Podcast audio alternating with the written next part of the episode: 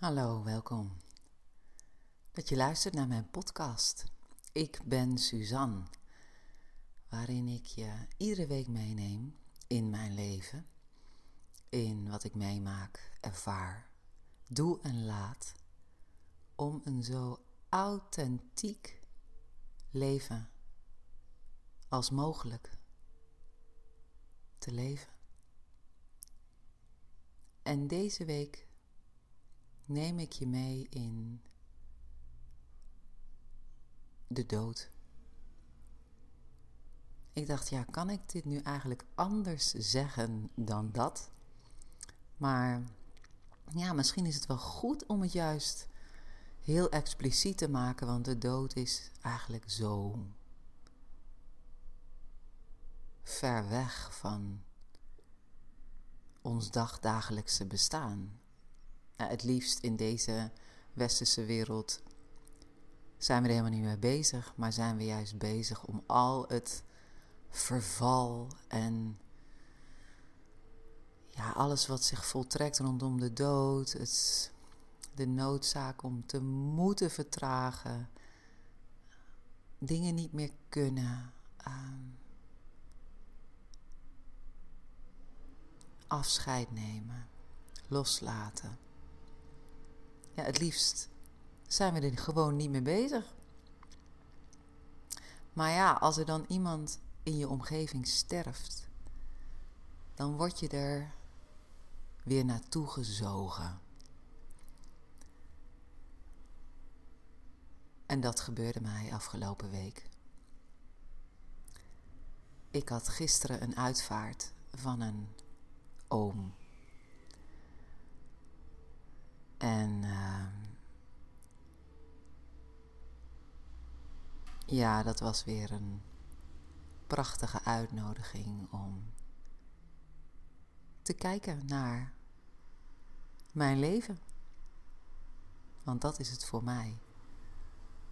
Dat de dood ook reflecteert. Hè? Dit afscheid nemen, de pijn, het verdriet, alles wat het met jezelf doet als iemand anders sterft. Alles waar het jou naartoe brengt als het gaat over mensen die je zelf verloor, dierbaren. Dat wat je met degene had of hebt, die stierf. En uiteindelijk een reflectie op hoe je leeft. En die uitvaart van die oom, die was, ja, die was prachtig. Door de levensloop die uh, over hem werd gedeeld, hè, dus het verloop van zijn leven, van zijn geboorte tot, hè, tot, tot, tot, tot gisteren, um, ehm, 30 maart. Uh, dat was dan niet zijn sterfdag, maar dan is het natuurlijk wel het. Ja, dan is de cirkel helemaal rond. Um,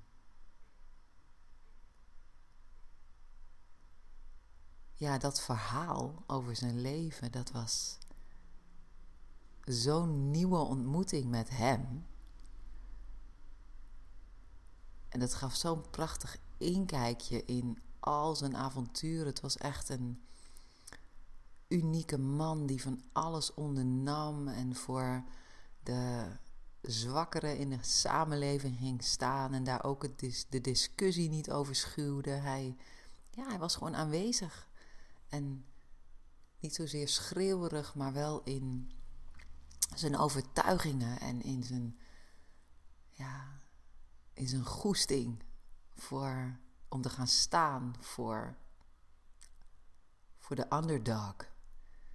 En zijn, ja, zijn verlangen naar avontuur en, en andere landen ontdekken en ondernemen en daarin stunten en ja, eigenlijk voorbij gaan aan de gevestigde orde. Dat was waanzinnig. Echt. Ja. En dan met al die foto's die voorbij komen. Ja, dan wordt het een heel compleet verhaal. Misschien herken je dat wel. Maar om het nu niet al te persoonlijk te maken.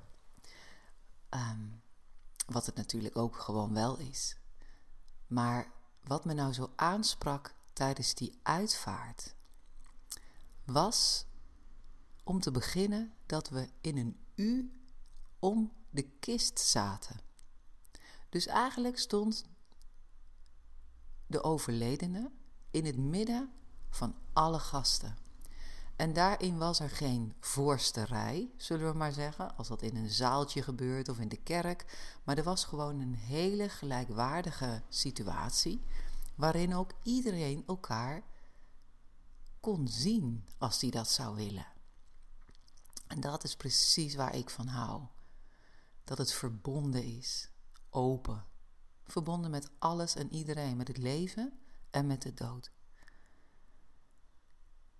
Wat ik ook heel mooi vond, was dat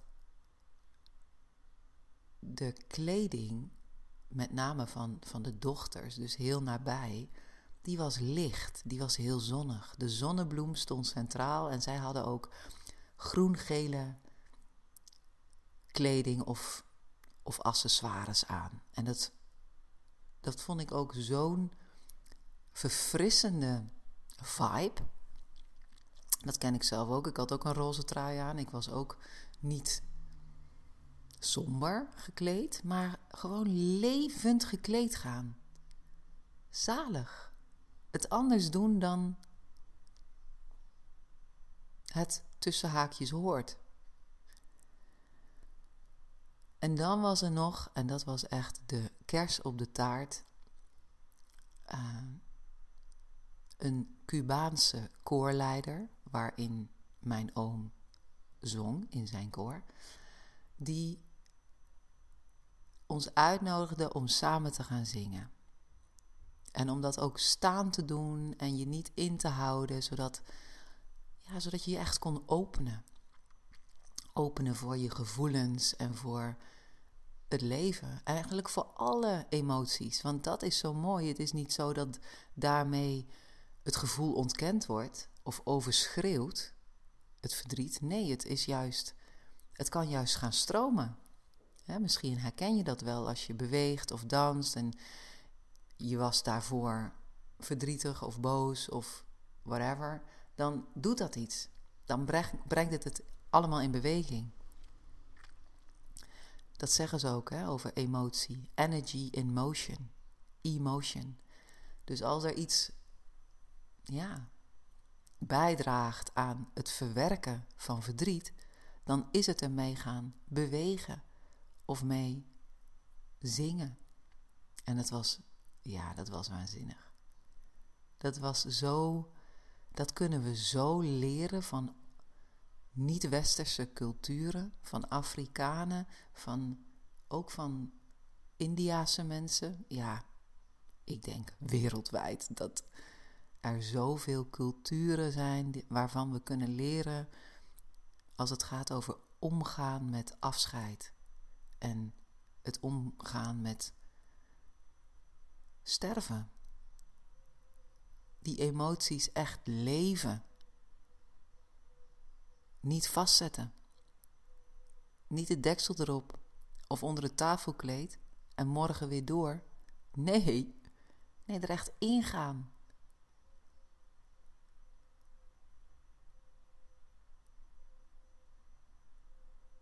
Ja, ik vertelde een paar weken geleden over die documentaire Limitless. Ik kom daar zo nog even op terug. Maar daar was een man, dat was volgens mij ook een Afrikaan. Die vertelde dat hij nadat zijn broer was overleden, die stamhoofd was, gingen ze honderd dagen in de rouw. En hij was de opvolger van zijn broer. En voor, zeg maar, toen zijn broer stierf, toen dacht ja, dit kan ik gewoon niet. Ik kan zijn plek niet innemen. Ik ben daar niet toe in staat. Ik heb niet wat hij heeft. En die honderd dagen, dat was voor hem precies de juiste cyclus om er helemaal voor te gaan. Ik geloof ook dat ze in die honderd dagen allemaal in het donker gekleed gingen. Ja, om zich er iedere dag aan te herinneren. Maar goed, even terug naar die uitvaart van mijn oom. Wat ik er zo uit leerde, want hij was ontzettend uniek en anders dan alle anderen. Een Amsterdammer die in het oosten van het land ging wonen en dan, ja, laten we zeggen, 60 jaar geleden of nog iets meer. En die dan andere ideeën heeft en ja, zichzelf niet onder stoelen of banken steekt. Hij was een paradijsvogel. En ik werd er zo door geïnspireerd. Ik dacht, oh my god, Suzanne. Leef die paradijsvogel. Wees niet bang om je eigen uniciteit, om je authentiek zijn gewoon nog meer de wereld in te gooien. Om het nog meer te gaan ontdekken ook. Wat zit er allemaal in jou wat je, wat je wil leven? Dus mij, naast het verdriet wat ik voelde en ook de geraaktheid bij, ja, ook, ook de gevoelens van zijn dochters en de kleinkinderen. En weet je, alles was er.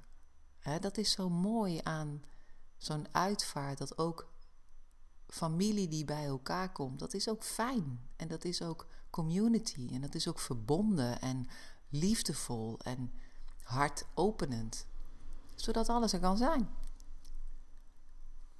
En ik, ik vertelde alles over mijn initiatief een paar jaar geleden om uh, iets in de uitvaart te gaan doen.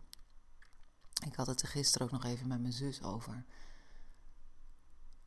Dat ik meer mensen meer in beweging wilde laten komen tijdens een uitvaart. En meer in contact. Ook door bijvoorbeeld om een kist te gaan zitten. En ik zou dan. En daar moet een zaal zich natuurlijk ook voor lenen. Ik zou dat ook in cirkels doen. Zodat mensen elkaar echt kunnen zien. Dat er geen hoek is, maar dat alles rond is.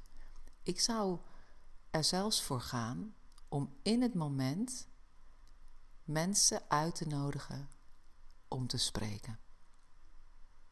Dus eerst iets te doen, bijvoorbeeld met ademhaling en helemaal bij jezelf te komen en te voelen wat er is. En ja, en te gaan naar dierbare herinneringen met degene die stierf. En dan mensen uit te nodigen om in het moment daar iets over te zeggen wat je van diegene hebt geleerd of wat je nooit meer gaat vergeten. Of wat je in je hart meedraagt of wat je nog had willen zeggen. En ik zou mensen ook uitnodigen om bijvoorbeeld contact te maken met hun buren. om ze even in de ogen te kijken. Of alleen als je dat wil, hè. Het mag allemaal veilig zijn, dat is number one maar veel meer contact en veel meer verbonden afscheid nemen. Ik had zelfs bedacht om een soort condoleance by walking around te doen. Dat je gewoon mensen in de ogen kijkt. Ja, dat is misschien wel next level. Hè? Dus misschien, dat is totaal niet wat wij hier gewend zijn. Maar ja, hallo. We kunnen eraan wennen, hè? Alles wat gewoon is, wat we gewoon hebben gemaakt, dat hoeven we niet gewoon te laten. Maar goed, niet iets dat ik verder aan het exploreren ben of aan het uitdragen. Maar ik draag het toch uit op dit moment. Niet beroepsmatig, maar ja, omdat ik er gewoon in geloof. Ik geloof in op een andere manier iemand loslaten en jezelf daarin ontzettend diep ontmoeten en ook al je emoties daarin te gaan verkennen en dat dat maar een eerste opening mag zijn. ook in die rouwperiode of in de aanloop of net daarna. Het ligt er natuurlijk aan hoe iemand overlijdt, of door een ziekbed of plotseling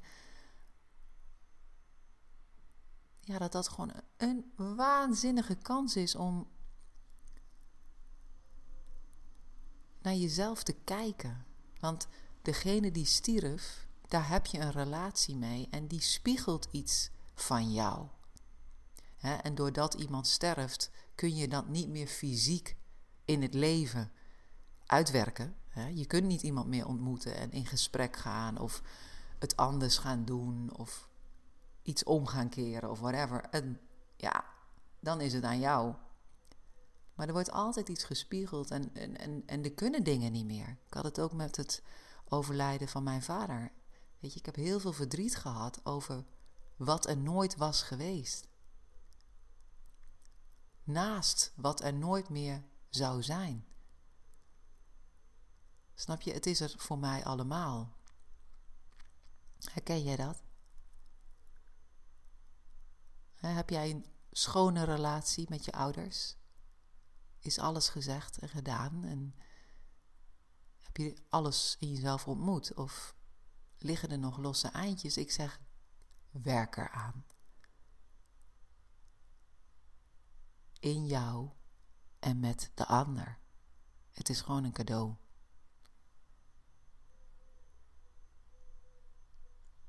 Ja, ik zei net al even iets over Limitless, over, over die docu, hè? Mocht je hem willen zien, Disney Plus. De laatste aflevering gaat over acceptatie. Reuze interessant. En daarin staat de dood centraal. Eigenlijk het ouder worden, verval. Niet alles meer kunnen. En uh, daar gaat die, uh, die Chris Hemsworth, die gaat eigenlijk in een bejaardenhuis wonen, die voor hem is gecreëerd. Reuze grappig ook. Maar ook bloedserieus. Weet je, het is echt niet zo'n uh, Amerikaanse opgeklopte luchtbel. Zou het dan kunnen zijn, hè, als je dit hoort?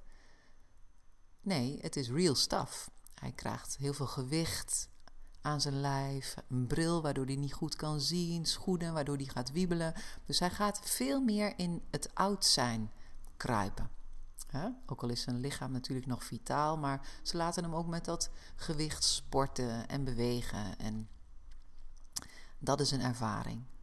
Hij gaat iemand ontmoeten die ongeneeslijk ziek is, wat natuurlijk een intense ervaring is. Hij gaat zijn vrouw ontmoeten, die helemaal oud is, geschminkt en gegrimd. Wat natuurlijk ook een bijzondere ontmoeting is. Het is natuurlijk allemaal wel fictief, maar je kruipt steeds meer iets in die wereld.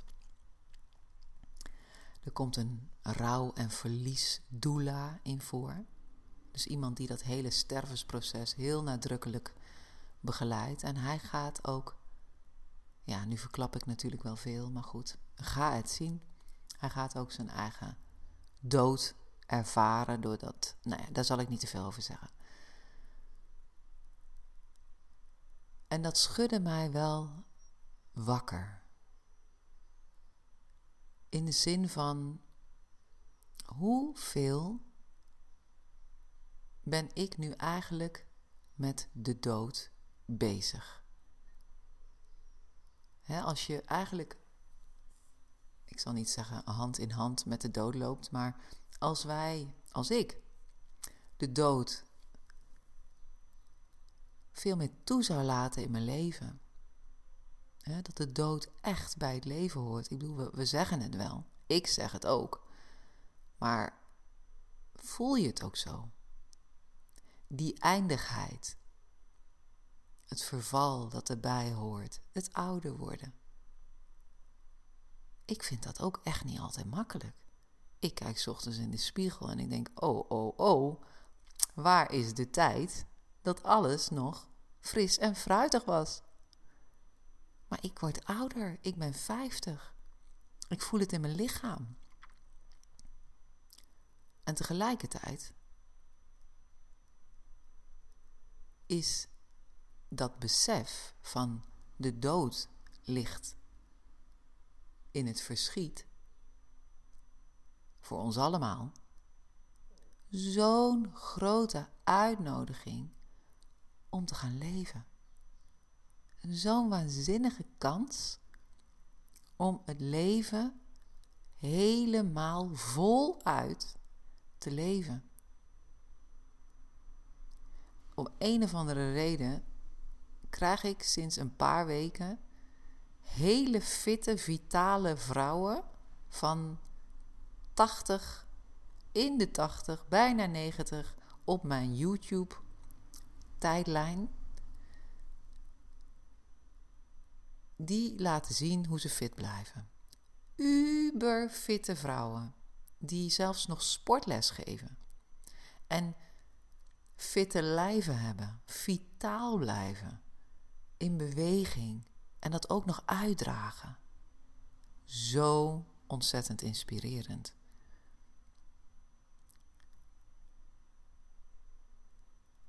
Dus de ene kant, aan de ene kant is er dus zo'n ja, ook verlangen in mij om de dood, verval, ouder worden, slijtage te accepteren tussen twee haakjes. Om het veel meer ja, gewoon te vinden als deel van het leven. Ik volg ook met heel veel belangstelling, ehm, ja, eigenlijk dooddoela's die dit heel fris en nieuw benaderen. Uh, bijvoorbeeld, uh, ik lees op LinkedIn heel vaak posts van Suzanne Duivenstein. En zij gaat hier zo nieuw mee om. Hè, voor onze westerse cultuur. Ook over, zij praat ook over uh, eigenlijk het lichaam weer als humus gaan gebruiken. Hè, naast alle alternatieven in begraven hè, en, en in, in, in, in uh, afscheid, is dit ja, behoorlijk vooruitstrevend. Het echt weer teruggeven aan de natuur. Dat vind ik intrigerend. Dus er zijn gewoon twee sporen. Dat stuk van acceptatie en, en er niet voor weglopen. Ook het gesprek niet schuwen met je naasten over de dood, over afscheid nemen. Over er alles uithalen wat erin zit, nu het nog kan, aan de andere kant.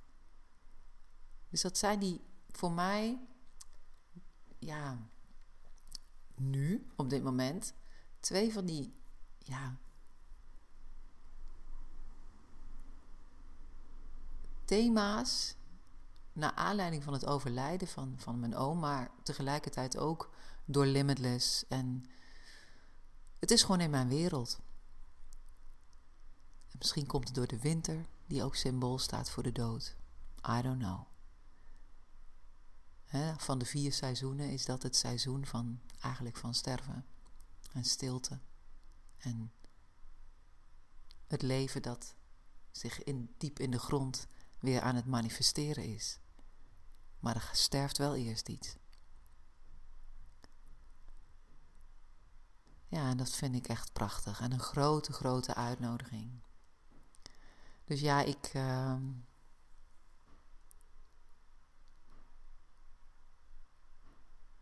ja, ik eer mijn oom. En dat wat hij me heeft laten zien. Als het gaat over de paradijsvogel. Ik ben benieuwd welke vogel in jou bevrijd wil worden. Ja, en ik ben dankbaar voor de spiegels de afgelopen weken als het gaat over acceptatie. Over de dood die er gewoon is en deel van het leven is. En de grote, grote uitnodiging om voluit te blijven en nog meer te gaan leven. En daarin niets gewoon te laten zijn of blijven. Life is a gift.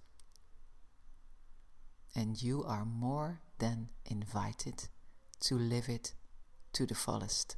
The fullest. Als je authentieke jij. Voel jij het verlangen om voorbij de gewoontes te gaan en je authentieke zelf voluit te leven. Vol zelfvertrouwen. gelukkiger, meer uit het leven halend dan nu, dan ben je welkom voor een kennismaking. En dan gaan we onderzoeken of het, of het klopt. En als jij bereid bent om echt ja te zeggen, te committeren en ervoor te gaan, dan ben ik met heel veel liefde en plezier jouw guide. Je kunt me bellen op 06 1998 1807 of mailen. Kan natuurlijk ook via susan.bronkhorst, cijfertje 3 at gmail.com. En dan, uh, dan gaan we op pad. Ik bedank jou voor het luisteren. Om je onder te dompelen in het leven naast de dood. En de dood naast het leven. Dit was Ik ben Suzanne.